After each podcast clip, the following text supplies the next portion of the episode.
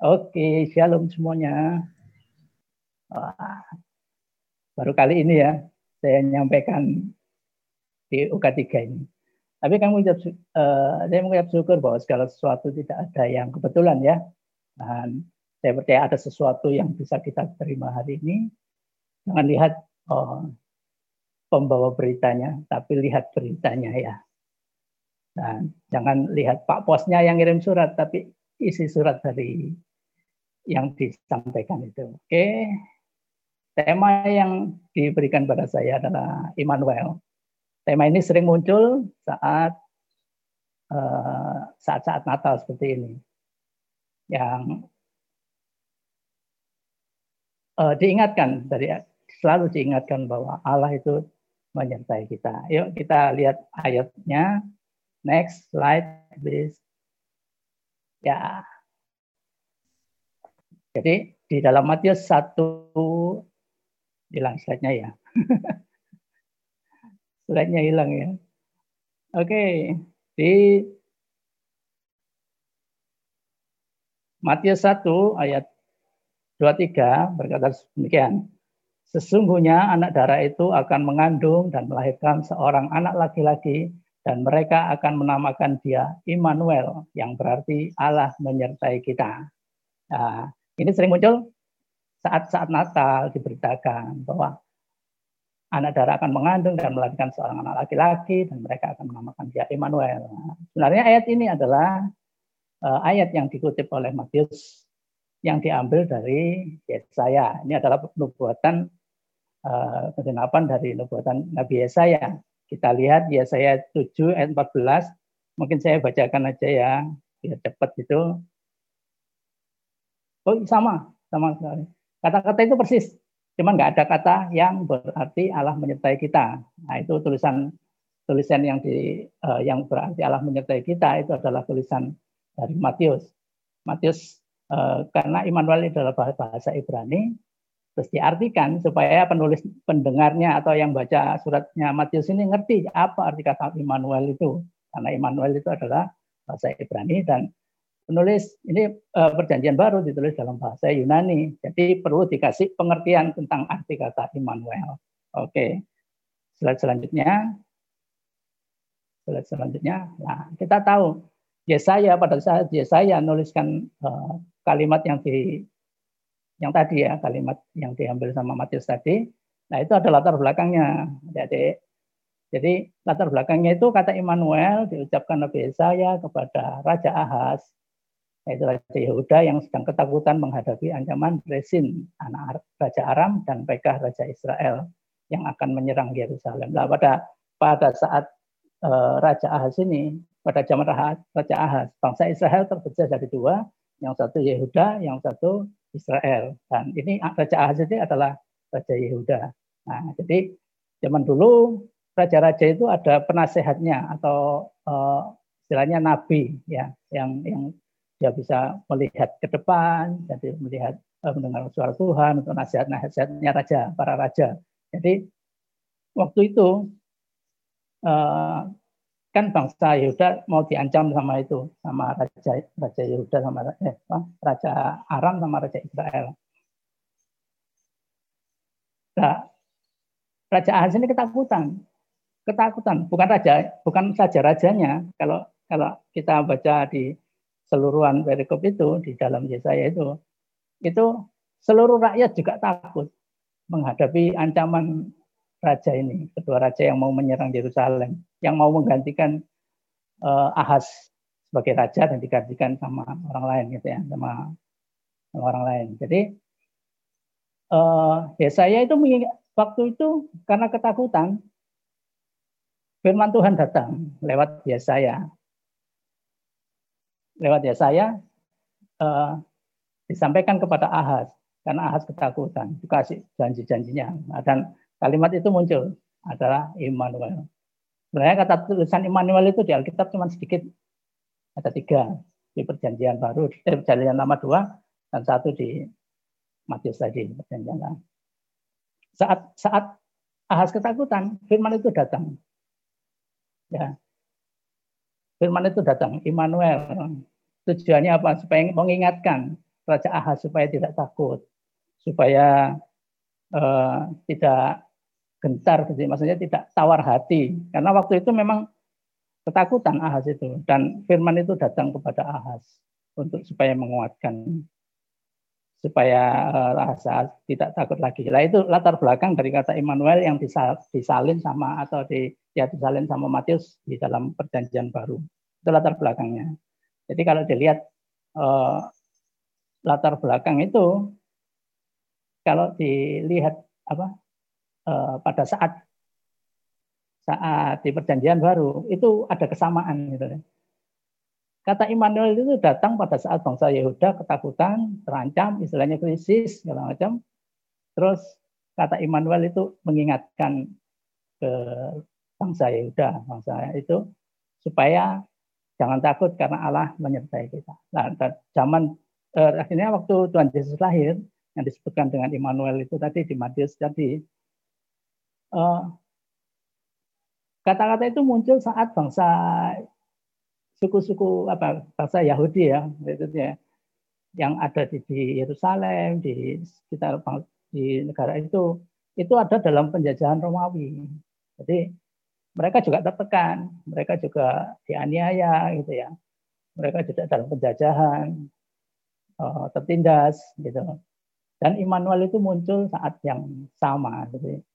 Saat bangsa Israel mengalami gitu. bangsa apa suku-suku Yahudi, bangsa Yahudi itu mengalami tekanan, Immanuel itu diingatkan lagi, muncul di situ. Nah, jadi kalau bisa disimpulkan bahwa Immanuel itu adalah pengharapan, kata-kata pengharapan, kata pengharapannya.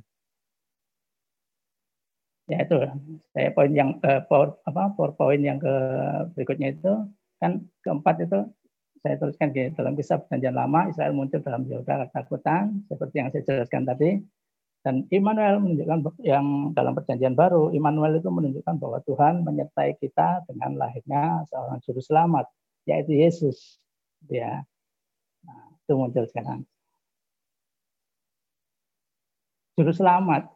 Kenapa waktu itu uh, sebenarnya bangsa Israel sudah dalam apa ya sejak sejak firman Tuhan ada masa-masa kegelapan gitu ya masa-masa kegelapan di mana Tuhan nggak berbicara Tuhan nggak menyatakan uh, firman-Nya.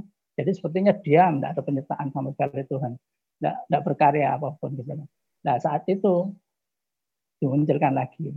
Tuhan Yesus datang pas tepat waktunya sebagai seorang juru selamat. Jadi waktu itu dosa sedemikian uh, besar, kecenderungan manusia untuk berbuat dosa, terus dilihat bahwa tidak bisa diselamatkan dengan dengan apa yang manusia lakukan gitu ya. Tapi ada Tuhan dengan kasihnya yang begitu besar, dia memberikan anak yang tunggal, yaitu Yesus Kristus, untuk menjadi juru selamat bagi kita. Nah, jadi uh, Tuhan menyertai kita. Slide berikutnya. Nah, slide berikutnya. Terima kasih. Ya, yang poin pertama itu ya, Tuhan, artinya Tuhan menyertai kita itu artinya apa? Tuhan menyertai itu bukan cuman eh dia ada bersama kita, terus dia ke mana-mana eh, kita ke mana-mana Tuhan ada di situ, bukan cuma sekedar itu. Tadi artinya Tuhan menyertai kita itu artinya yang pertama adalah Tuhan tidak akan membiarkan dan meninggalkan kita. Itu ada di Yosua 1 ayat 5. Yosua 1 ayat 5, saya bacakan aja biar cepat ya. Ini firman ini katanya, seorang pun tidak akan dapat bertahan menghadapi engkau seumur hidupmu. Seperti aku menyertai Musa, demikianlah aku akan menyertai engkau. Aku tidak akan membiarkan engkau dan tidak akan meninggalkan engkau. Jadi artinya Tuhan menyertai itu tidak meninggalkan dan tidak membiarkan. Uh, tidak meninggalkan itu bisa selalu ada selalu ada bersama kita, itu tidak meninggalkan. Tidak membiarkan, itu artinya tetap kita ditang. Kita nggak biarkan jalan sendiri, kita tidak akan melakukan sendiri, tapi ada uh, penyertaan Tuhan di situ. Apa yang kita lakukan itu disertai Tuhan, itu ya. Poinnya seperti itu supaya kita tidak tawar hati. Oleh sebab itu kita tidak tidak usah apa, jangan sampai kita itu tawar hati itu ada di ayat 9. Saya katakan ya, saya bacakan lagi. Bukankah telah kuperintahkan kepadamu, kuatkan dan teguhkanlah hatimu, jangan kejut dan tawar hati, sebab Tuhan Allahmu menyertai engkau ke mana pun engkau pergi. Nah, jadi penyertaan Tuhan itu yang membuat kita itu tidak kejut hati dan tawar hati. Tawar hati itu apa sih? Tawar hati itu uh, sudah nggak semangat, uh, nggak punya keberanian, putus asa, tawar hati itu sudah kayaknya apa ya nggak bersemangat itu tadi tawar hati. Nggak punya kepercayaan lagi. Itu tawar hati karena ketakutan karena ketakutan karena intimidasi segala macam. Nah itu membuat kadang membuat orang itu tawar hati. Tapi ingatlah bahwa Tuhan menyertai kita. Jadi kita nggak usah tawar hati ya poin yang kedua yang cepat ya ini ya Tuhan membantu kita dalam peperangan kita. Itu ada di dua Tawarik 32 ayat 8. Kalau sempat buka-buka HP enggak apa Oh, buka Alkitab juga enggak apa-apa. Saya juga buka Alkitab ini ya. Dua Tawarik 2 ayat eh dua Tawarik 32 dua Tawarik 32 ayat 8. Oke, saya bacakan aja. Yang menyertai dia adalah tangan manusia, tetapi yang menyertai kita adalah Tuhan Allah kita yang membantu kita dan melakukan peperangan kita. Jadi Tuhan itu menyertai kita, artinya itu Tuhan membantu kita dalam peperangan kita. Loh Pak, saya kan nggak berperang. Nah, bukan bukan arti yang sesungguhnya ya. Peperangan itu kalau di zaman sekarang itu mungkin pergumulan kita. Atau uh, apa sesuatu yang membuat sepertinya uh, yang melemahkan mungkin itu ya peperangan kita. Mungkin itu dalam bentuk kalau kuliah ya itu peperangan kita itu seperti itu. Kalau kalau dalam pekerjaan ya pekerjaan. Persaingan mungkin apa masalah-masalah yang muncul di pekerjaan itu adalah peperangan kita. Dan Tuhan itu membantu membantu kita nah kalau membantu kita itu artinya kita sudah melakukan, kita juga harus melakukan bagian kita gitu. Kita menyerahkan Tuhan, aku tahu, aku percaya Engkau menyertai aku, tapi tetap aja diam-diam, diam-diam aja di rumah, nggak ngapa-ngapain, nggak melakukan usaha apa pun, itu sama sama saja itu ya. Kita nggak melakukan apa-apa, tapi Tuhan menyertai kita itu Tuhan membantu kita dalam peperangan kita, dalam permasalahan kita, dalam uh, pekerjaan kita, dalam uh, kuliah mungkin ya. Banyak hal peran kita itu apa aja eh, gitu. masing-masing orang punya pengertian sendiri. Dan itu Tuhan membantu kita. Oleh sebab itu jangan diam aja tapi tetap berusaha tetap bekerja tetap belajar tetap apa uh, yes, berusaha gitu loh berusaha. Tetap berusaha tetap apa yang harus menjadi bagian kita kita lakukan. Kita nggak boleh menyerahkan semuanya kepada Tuhan tapi kita melakukan apa-apa. Iman tanpa perbuatan katanya mati kan jadi tetap ada perbuatan dan Tuhan itu menyertai kita dan akan membantu kita, gitu ya. Itu perlu diingat. Terus yang ketiga adalah Tuhan memberi hikmat. Tuhan memberikan hikmat. Karena hikmat itu berasal dari Tuhan. Kalau Tuhan menyertai kita, Tuhan akan memberikan hikmat itu kepada kita. Di Amsal 2 ayat 6. Amsal 2 ayat 6. Amsal 2 ayat 6 berkata demikian. Karena Tuhanlah yang memberikan hikmat. Dari mulutnya datang pengetahuan dan kepandaian. Jadi kalau Tuhan berkat Tuhan menyertai kita, itu Tuhan sanggup memberikan hikmat bagi kita. Mungkin saat-saat orang itu, saat-saat kita bingung ya, apa yang harus kita lakukan, apa yang harus kita putuskan, apa yang uh, harus kita jalani mungkin pilihan-pilihan. Nah, Tuhan itu akan memberi kita hikmat. Ya. Jadi jangan takut. Hikmat Tuhan itu adalah hikmat yang paling baik.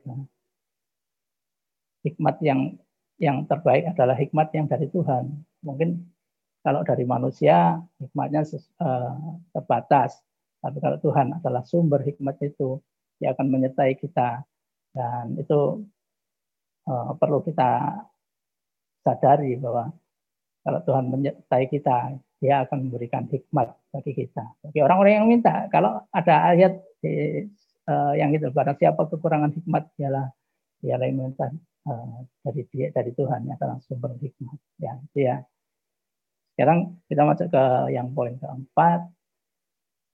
Tuhan meluputkan kita dari maut. Nah, Tuhan meluputkan kita dari maut itu Mazmur ini yang sering mengalami hal ini dan dia menuliskan di Mazmur 56 ayat 14. Kalau di gadget atau di HP itu ayat 14 tidak ada. 13 kalau misalnya ngesep harus mencari di gadget Anda, Anda cari yang ayat 13. Tapi kalau saya ambilnya dari buku, di kitab itu ya, di ayat 14 berkata demikian. Sebab engkau telah meluputkan aku daripada maut, bahkan menjaga kakiku sehingga tidak tersandung. Maka aku boleh berjalan di hadapan Allah dalam cahaya kehidupan. Jadi Tuhan itu kalau bersama dengan kita, Tuhan akan meluputkan kita dari hal-hal yang membahayakan gitu. Kita nggak tahu yang di luaran kayak apa gitu ya mungkin rencana orang kayak apa, mungkin ada uh, rencana penjahat, begal, segala macam. Nah, Tuhan menyertai kita, itu artinya Tuhan akan meluputkan kita dari mau. Karena Tuhan membentengi kita, Tuhan akan uh, melindungi kita, gitu ya. Tuhan ada bersama-sama dengan kita, Tuhan akan meluputkan kita dari maut. Uh, mungkin ada ayat yang ini ya tentang gembala yang baik itu Mazmur 23. Uh, di situ kan ada sekalipun aku berjalan dalam lembah bayang-bayang maut, aku tidak takut bahaya sebab engkau besertaku. Kan, gitu. Raja Daud yang soal penyertaan Tuhan ini, oh banyak dituliskan dalam Mazmur penyertaan Tuhan di saat apa musuhnya menyerang dia, menindas dia. Itu Daud kita harus kita perlu belajar dari Daud tentang apa itu penyertaan Tuhan. Banyak kisah tentang Daud. Ya, belajar sendiri. Gali lebih dalam lagi tentang firman Tuhan ini. Oke, ayo kita lihat slide selanjutnya. Slide selanjutnya. Jadi semuanya itu adalah jawaban. Jadi Immanuel adalah jawaban bagi kita jawaban. Kita diingatkan lagi lewat pagi hari ini ya, pagi siangan ini, kita diingatkan kembali tentang Immanuel. Bahwa Immanuel adalah jawaban bagi kita. Mungkin kalau zaman zaman perjanjian lama tentang perang, sekarang aplikasinya untuk saat ini apa? Ya mungkin masa-masa pandemi ini kata Immanuel ini seharusnya malah lebih lebih mendalam gitu ya. Artinya lebih harus mengingatkan kita lebih lagi. Karena pada pada masa pandemi ini kan banyak orang yang mengalami putus asa, orang kehilangan pekerjaan, mungkin atau ada kehilangan orang tuanya, kehilangan saudara yang dikasihi, teman-temannya. Dan itu membuat ketakutan, membuat rasa uh, percaya Tuhan mungkin hilang karena ada kecewaan segala macam. Nah, Immanuel yang saat ini saya sampaikan pagi hari ini, yang kita renungkan pada hari ini, itu mengingatkan kita bahwa ada jawaban gitu, lewat Immanuel. Ada, jadi Tuhan memberi kekuatan saat kita lemah. Ya enggak, enggak setiap setiap hari kita kuat enggak. Kita kita berdoa sih baik-baik uh, aja ya semuanya ya. Kita berdoa baik-baik aja, mulus-mulus apa, enggak ada masalah apa pun. Kita berdoa kita senang hal itu, kita suka kita bahagia, kita happy happy dan enggak ada masalah apa pun. Itu yang kita kita mau. Tapi kenyataannya kan bahwa uh, enggak selalu loh kita kuat. Enggak selalu kita kuat. Kita ini cenderung malah lemah kalau Kalau tidak ada, kalau kita nggak ingat akan Immanuel, kita lemah kita akan nggak kuat untuk menghadapi kehidupan ini, nggak kuat akan menghadapi masalah-masalah yang kita hadapi. Tapi Immanuel adalah jawaban saat kita takut. Immanuel adalah saat kita uh, bimbang kayak gitu ya, takut, khawatir, gimana ini masa depanku, gimana ini pekerjaan, gimana ini uh, apa ke ekonomi perekonomian, keuangan saya gimana ya, gitu. Saat itu melemahkan berita-berita yang melemahkan tentang ini segala macam, tentang pandemi, tentang politik, yang yang membuat kita lemah. Ingatlah bahwa Immanuel adalah artinya Tuhan memberi kekuatan bagi kita saat kita lemah. Amin ya. Amin. Saya percaya.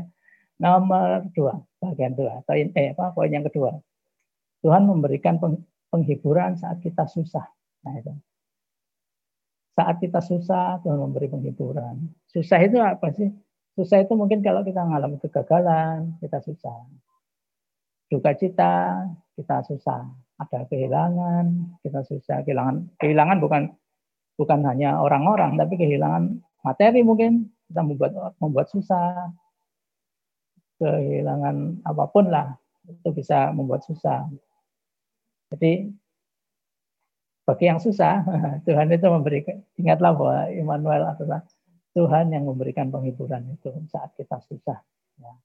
Tuhan itu penghibur loh. Jadi kalau susah ingatlah kita punya penghibur, yaitu Tuhan itu sendiri yang menyertai kita. Ya. Poin yang ketiga bahwa Tuhan adalah pengharapan saat kita putus asa.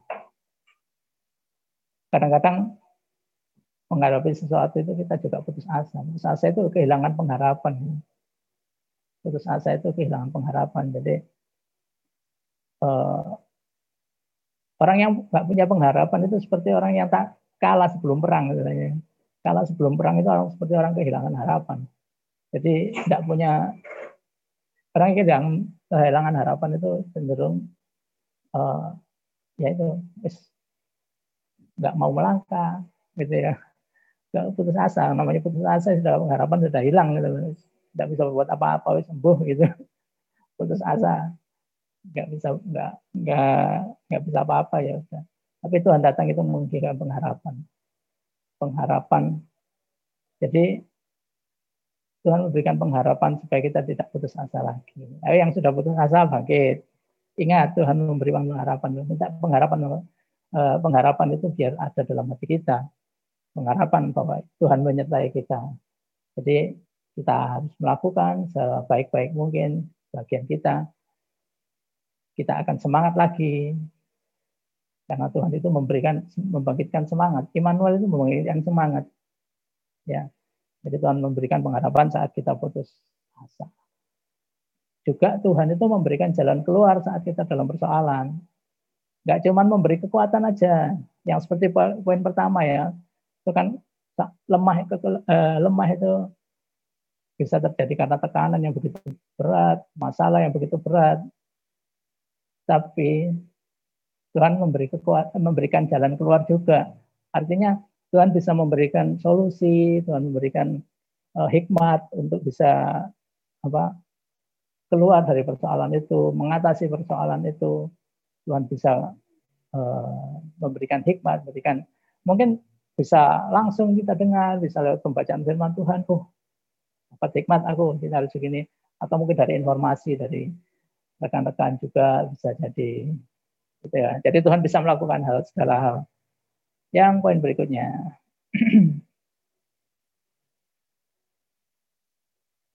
poin berikutnya adalah nah, ini ya. Dari semua yang kita bicarakan itu tadi kita percaya akan jadi penyertaan Tuhan ya. Tuhan menyertai kita dengan memberikan Roh Kudus dalam hati kita.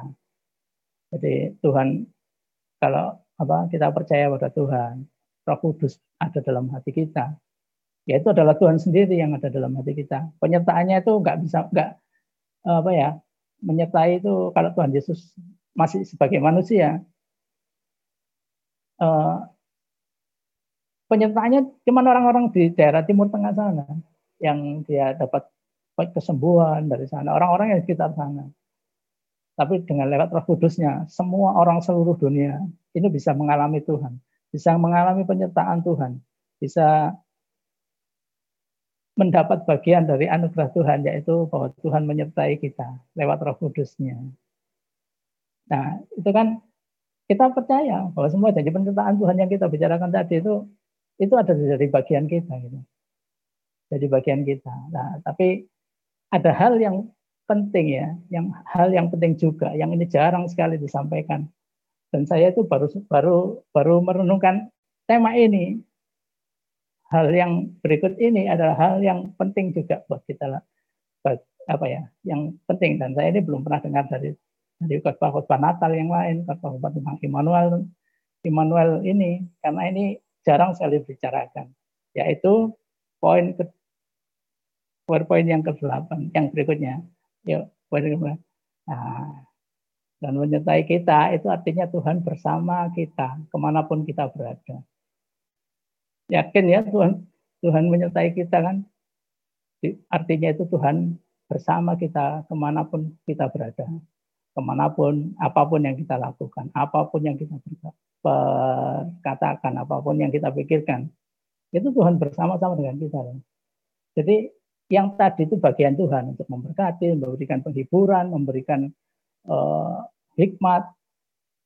Itu yang menyenangkan memang, itu yang menyenangkan buat kita, buat kita ya. Nah, tapi hal ini yaitu apa yang menjadi bagian kita, apa yang menjadi bagian kita tentang Immanuel itu. Kalau kita menyadari, kalau kita ini, kalau kita harus selalu sadar kalau Tuhan itu bersama kita, maka kita tidak boleh mendukakan Roh Kudus. Kita harus hidup dalam kebenaran dan mengasihi Tuhan. Ini hal yang uh, kadang menegur, menegur kita ya. Iya ya, Tuhan itu menyertai kita. Tuhan itu ada bersama-sama kita ke mana pun kita berada, ke mana pun kita pergi. Tuhan ada. Jadi hidup ini harus dijaga gitu gitu. Jangan sampai kita sembarangan ngomong gitu misalnya. Jangan sampai kita ini hidup semau gue, terserah apa seenak kita gitu loh. Kita perlu sadar bahwa Immanuel itu menyertai kita dan dan bertanggung jawab akan Immanuel itu yang ada dalam hidup kita. Kita nggak boleh mendugakan dia, kita nggak boleh Eh, karena Tuhan itu adalah soal pribadi yang bisa merasakan sedihnya kalau umat yang dikasihi itu tidak menghargai penyertaan Tuhan, tidak menghargai pribadi Tuhan yang menyertai kita. Itu yang kadang membuat orang-orang itu nggak sadar gitu ya. Emmanuel enak, enak, enak, senang saya, saya puji Tuhan dapat Tuhan menyertai kita. Eh ada tanggung jawab loh. Nggak kita nggak boleh sembarangan. Loh karena Immanuel menyertai kita loh. Jadi hidup itu harus hati-hati gitu ya. Terus saya sebutkan sih beberapa hal yaitu ada sifat-sifat Allah. Sebagian aja. Mungkin uh, kita semua bisa Anda Anda bisa belajar lebih lagi, mengalami lebih lagi tentang sifat-sifat Allah supaya bisa kembangkan uh, kembangkan supaya uh, semakin apa ya, semakin saudara mengenal lebih lagi. Nah, saya ini sebutkan beberapa hal tiga aja mungkin ya. Salah satu sifat Allah dalam sifat Allah adalah kasih, gitu ya. Allah adalah kasih. Maka kita harus mengasihi orang lain. Dong. Kalau Tuhan ada di dalam kita yang adalah kasih itu, sumber kasih, itu kita juga harus melakukan itu untuk orang lain, mengasihi orang lain. Karena gimana enggak Tuhan mengasihi kita, terus kita nggak mau mengasihi orang lain. Itu kan sama saja. Kayaknya nggak bermanfaat gitu loh. Maksudnya eh, orang lain nggak bisa lihat Allah dalam hidup kita kalau kita nggak mengasihi orang lain. Nggak melakukan perbuatan baik, perbuatan kasih ke orang lain. Itu orang itu nggak bisa lihat Allah yang ada dalam hati kita, yang ada dalam diri kita. Oleh sebab itu, salah satu sifat Allah yaitu Allah itu adalah kasih. Itu memotivasi kita, membuat kita itu um, untuk melakukan hal kebaikan, mengasihi orang lain. Di dalam satu Yohanes itu tentang perikopnya adalah Allah adalah kasih itu ya. Kita lihat di satu Yohanes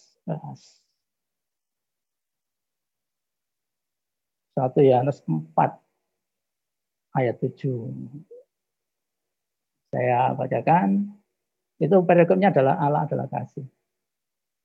Saudara-saudaraku yang kekasih, marilah kita saling mengasihi. Sebab kasih itu berasal dari Allah. Dan setiap orang yang mengasihi lahir dari Allah dan mengenal Allah. Gitu ya. Jadi kalau tandanya orang mengenal Allah gimana? Ya kembali. Kita harus saling mengasihi. Sebab kasih itu berasal dari Allah. Hmm, gitu ya. Kalau manusia mengasihi terbatas, tapi kasih itu sumber kasih itu adalah Allah, maka seharusnya yang mengalir dalam diri kita, karena Allah berada bersama-sama dengan kita, Immanuel itu, kita juga harus menyalurkan kasih itu kepada banyak orang, semua orang, sehingga mereka memuliakan Tuhan, gitu kan. Dengan perbuatan kita itu mereka memuliakan Tuhan, bukan memuliakan kita, perorangan bukan memuliakan Tuhan itu adalah targetnya. Kita berbuat baik supaya orang lain itu memuliakan Tuhan. Dan ada hendaklah eh, hendaklah kebaikanmu diketahui semua orang supaya Allah dimuliakan. Nah, itu salah satu sifat Allah yaitu saling mengasihi. Ayat 11-nya tadi ayat 7 ya, ayat 11 itu semua diulang-ulangi hampir sama. Saudara-saudara yang kasih, jikalau Allah sedemikian mengasihi kita, maka haruslah kita saling mengasihi. Sama seperti tadi, saling mengasihi. Banyak ditekankan tentang kasih karena Allah itu kasih. Di ayat 16-nya, kita telah mengenal dan percaya akan kasih Allah kepada kita. Allah adalah kasih. Barang siapa tetap berada di dalam kasih, ia tetap berada di dalam Allah. Dan Allah di dalam dia. Immanuel ini di sini ada juga Allah eh, kita berat eh, Allah di dalam kita kita ada di dalam Allah ya tetap berada kita kalau eh, apa barang siapa tetap berada di dalam kasih ia tetap berada di dalam Allah. Kalau dibalik ya kata-katanya barang siapa tidak berada di dalam kasih ia enggak berada di dalam tidak berada di dalam Allah Jadi gimana? Tandanya kita berada di dalam Allah dan Allah ada di dalam kita. Tandanya kita itu, oh ya, Immanuel itu salah satu di uh, kitab bahasa Jawa ya. Kata kata menyertai itu diterjemahkan manunggal. Manunggal itu bersatu.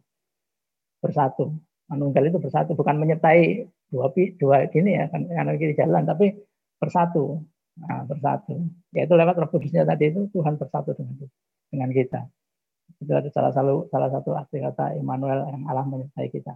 Terus kembali lagi ke eh, eh ayat 19-nya ya belum. Ayat 19 cukup berkata gitu. Kita mengasihi karena Allah lebih dahulu mengasihi kita. Ya, ini sering diingatkan juga bahwa Allah itu terlebih dahulu mengasihi kita. Maka kita harus mengasihi kita mengasihi bukan karena supaya Allah mengasihi kita enggak. Kita itu sudah menerima kasihnya. Ya. Lewat pengorbanan Tuhan Yesus, lewat penebusannya, itu adalah kasih yang terbesar bagi kita. Dan kalau kita kalau Allah sudah dahulu lebih dahulu mengasihi kita, maka kita harus mengasihi orang lain. Itu perintah dari Tuhan ya. Nah, sifat yang kedua adalah Allah itu kudus. Allah itu kudus. Maka kita harus hidup kudus. Di dalam 1 Petrus 1 ayat 15 dan 16. 1 Petrus 1, 15, 16. Saya bacakan. Tetapi hendaklah kamu menjadi kudus di dalam seluruh hidupmu, sama seperti dia yang kudus, yang telah memanggil kamu Sebab sebab ada tertulis kuduslah kamu sebab aku kudus. Kalau Allah Allah yang kudus itu ada dalam hidup kita, masa kita mau menajiskan hidup kita ya? Enggak ya. Kita harus berusaha. Maksudnya jadi melakukan perintah ini supaya kita kudus. Sebab aku kudus. Sesuatu yang kudus berada di dalam hal yang tidak kudus itu kontras sekali. Jadi supaya kita menyatu dengan uh, supaya Tuhan itu menyatu benar-benar menyatu dengan kita. Bagian kita adalah mari kita menjaga kekudusan kita ya, hidup dalam kekudusan. Bisa kok ada perintah kuduslah kamu sebab aku kudus. Ini bisa kok kita lakukan. Tapi aku kok bolak-balik gagal ya. Itulah Allah mengasihi kita. Allah Immanuel itu akan mengingatkan kita kepada kebenaran dengan roh kudusnya itu mengingatkan kita untuk selalu bertobat hari lepas hari kalau melakukan kesalahan. Roh Kudus mengingatkan kita jangan keraskan hati. Ya cepat-cepat bertobat.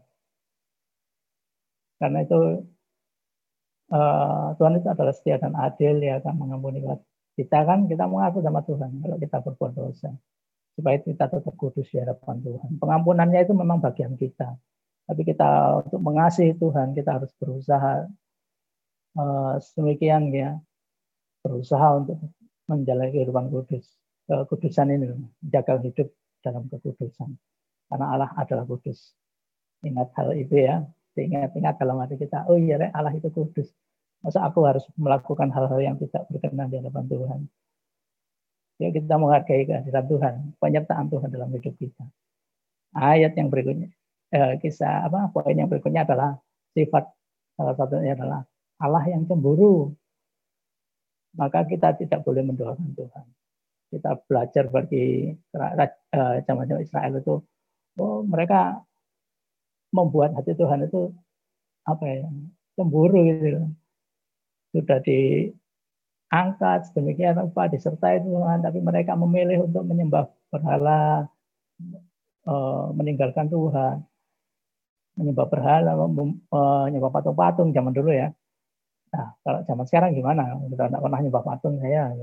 Saya tidak pernah uh, anu apa tetap saya ini tetap ke gereja. Nah, saya nggak nggak anu lah. Saya nggak nggak nggak mendoa nggak nggak punya ilah-ilah lain. Tapi banyak orang loh yang ke gereja tapi membawa apa itu apa-apa jimat. Itu ada loh. Ada orang-orang yang sudah percaya sama Tuhan, tapi mereka mengandalkan kekuatan dari dukun-dukun, kekuatan dari kuasa gelap, uh, sampai membuat apa persembahan, adalah uh, tumbal gitu ya, membuat mengorbankan sesuatu seperti Raja Ahaz yang tadi itu ada kisahnya itu bahwa malah Ahaz itu mempersembahkan anaknya untuk dikorbankan sebagai korban bakaran. Kayak gitu. Ahaz itu sayangnya dia tidak dia tidak kembali kepada Tuhan tapi melakukan apa yang jahat di mata Tuhan. Mempersembahkan kepada Allah-Allah lain. Kalau kalau kita belajar tentang hal itu itu Tuhan nggak berkenan. Kalau Allah itu tahu kalau Allah itu uh, Allah yang cemburu, kita tidak boleh mendoakan Tuhan. Ya. Mendoakan Tuhan. Sekarang aku, anu, zaman sekarang ini apa mendoakan Tuhan? Mendoakan Tuhan. Ya segala sesuatu yang membuat kita itu jauh dari Tuhan. Segala sesuatu yang membuat uh, fokus kita tidak ke Tuhan lagi. Segala sesuatu yang membuat uh, pengharapan kita bukan kepada Tuhan lagi. Dan banyak hal. Oleh sebab itu, Immanuel itu mengingatkan Allah itu yang adalah cemburu ada dalam bersama-sama kita, maka kita tidak boleh mendoakan dia, tidak boleh mengasihi. Oh, ya, ada ayat yang mengingat eh, barang siapa mengasihi dunia, kasih Allah itu tidak ada dalam dirinya. Itu ada di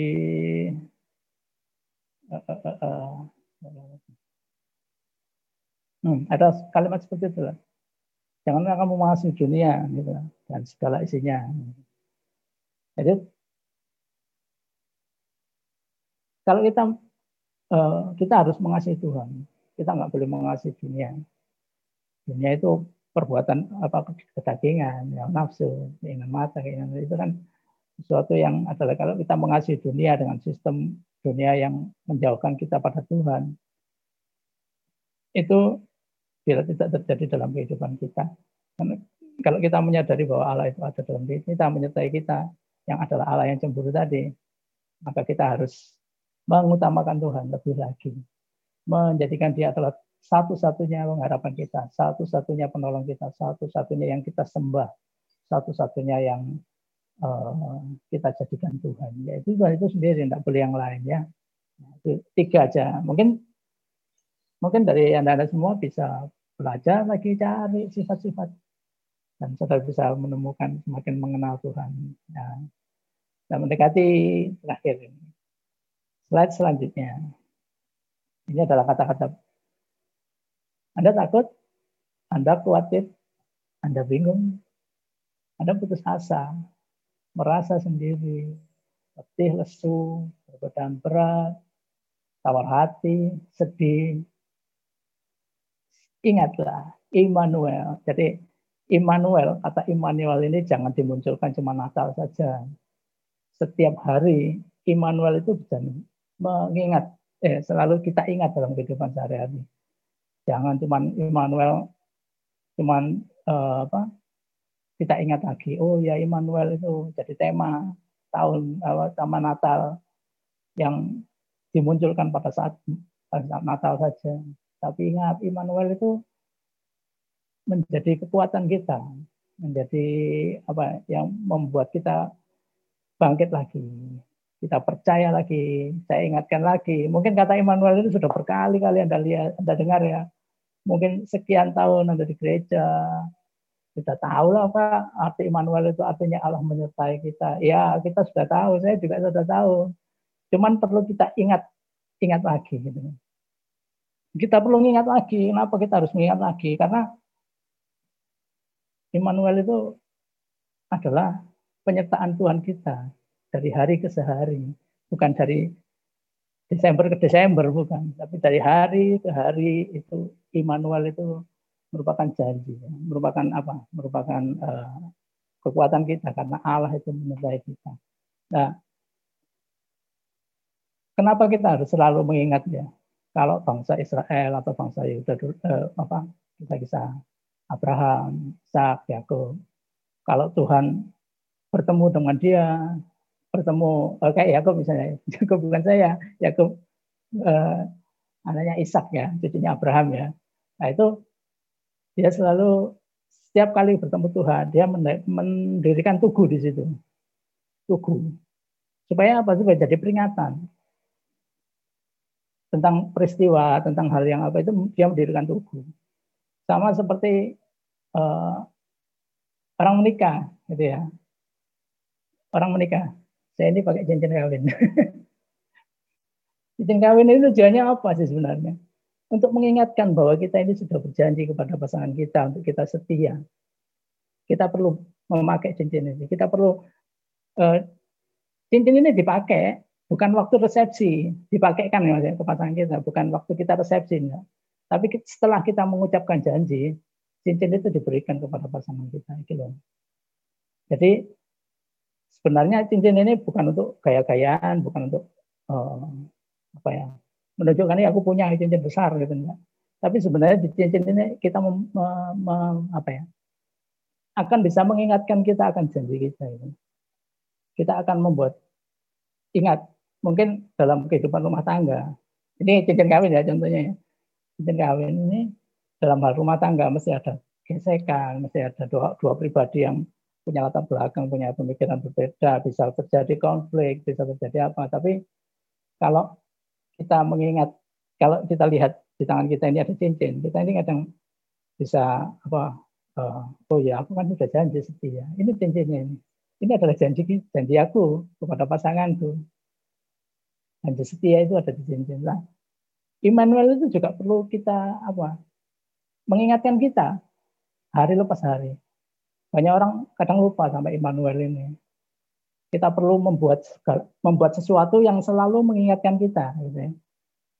Kalau di, luar negeri itu ada dulu orang, orang pakai gelang, di gelang, gelang karet atau apa pun ya. Gelang itu tujuannya mengingatkan what would Jesus do, gitu, WWJD itu ya itu orang suruh pakai itu maksudnya orang-orang yang mengambil komitmen pakai gelang WWJD itu dia akan mengingat apa pun yang Tuhan apa pun yang kita alami kira-kira Tuhan apa yang Tuhan lakukan apa yang Yesus lakukan yaitu mengingatkan kita nah, saat ini mungkin di yang paling gampang kita lihat supaya kita mengingat akan Immanuel itu apa. Masing-masing kita punya cara lah. Mungkin bagi yang punya cincin, cincin hiasan, bisa itu jadikan pengingat. Tapi kadang kita nggak bawa masalahnya. kadang kita nggak bawa, kadang lupa, kadang nggak. Nah, sekarang ini saya saya ngajak paling gampang gitu ya. Ini mungkin tips, tetapi bisa pakai hal yang lain. Yang paling gampang untuk mengingatkan kita, kita ambil salah satu bagian tubuh kita, yaitu jempol ini. Jempol ini biarlah kita mengingat bahwa kalau lihat kita lihat melihat ibu jari, kita melihat ibu jari, kita mengingat bahwa Tuhan menyertai kita. Kita ingat ibu jari. Setiap kali kita lemah, hal yang paling gampang kita lihat apa? Ibu jari. Ibu jari ini menghadap paling dekat dengan mata kita ya. Kalau kita megang gini, kalau kita berdoa, kalau kita posisi standby pun apa diam gini aja ibu jari yang paling kita gampang kita lihat. Mungkin kelingking ke kehalangan sama ibu jari. Tapi ibu jari ini yang biarlah ini mengingatkan, mengingatkan kita bahwa Immanuel. Kita berdoa gini, Immanuel. Kita berdoa, Immanuel itu bersama-sama dengan kita. Saat kita lemah, saat kita putus asa, saat kita khawatir, saat kita merasa sendirian. Eh, ada Immanuel. Iya ya, aku seharusnya nggak takut nih. Aku seharusnya nggak khawatir, aku seharusnya nggak merasa sendiri. Aku nggak aku nggak lesu, aku nggak berbeban berat karena aku punya Immanuel. Nah, biarlah itu mengingatkan kita. Saya pikir itu aja. Saya berdoa supaya kita semua mengingat, mengingat kembali akan Immanuel, yaitu penyertaan Tuhan dalam kehidupan kita. Di slide terakhir, saya ada lagu Bukan lagu saya ya, ini lagunya di PCC. Kita bisa nyanyikan sama-sama. Semoga kita saya kedengaran di sana.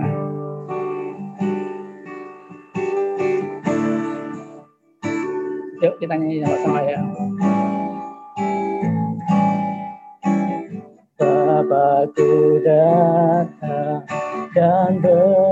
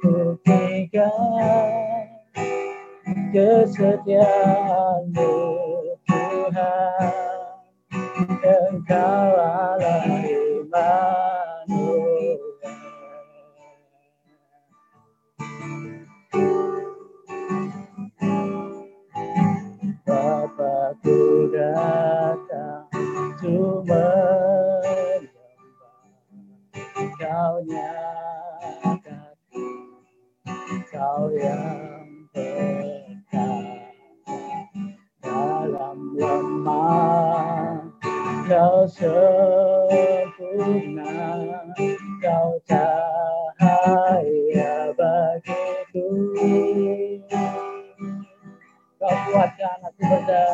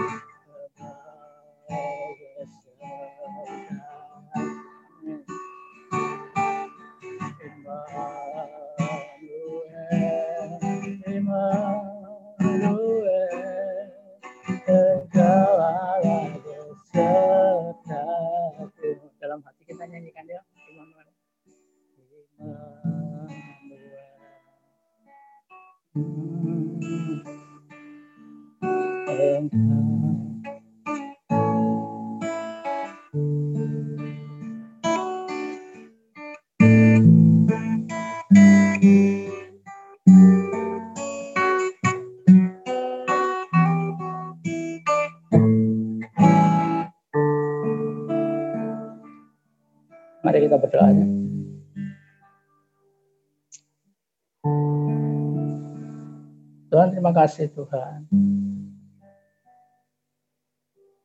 Pada siang hari ini Engkau mengingatkan kami Tuhan akan penyertaan-Mu. Immanuel yang artinya Allah beserta kami Tuhan. Biarlah itu kami mengingatnya hari lepas hari supaya kami kuat di hadapan Tuhan, supaya kami dapat penghiburan dari Tuhan, supaya kami menjaga hidup kami tetap kudus dan berkenan di hadapan-Mu Tuhan.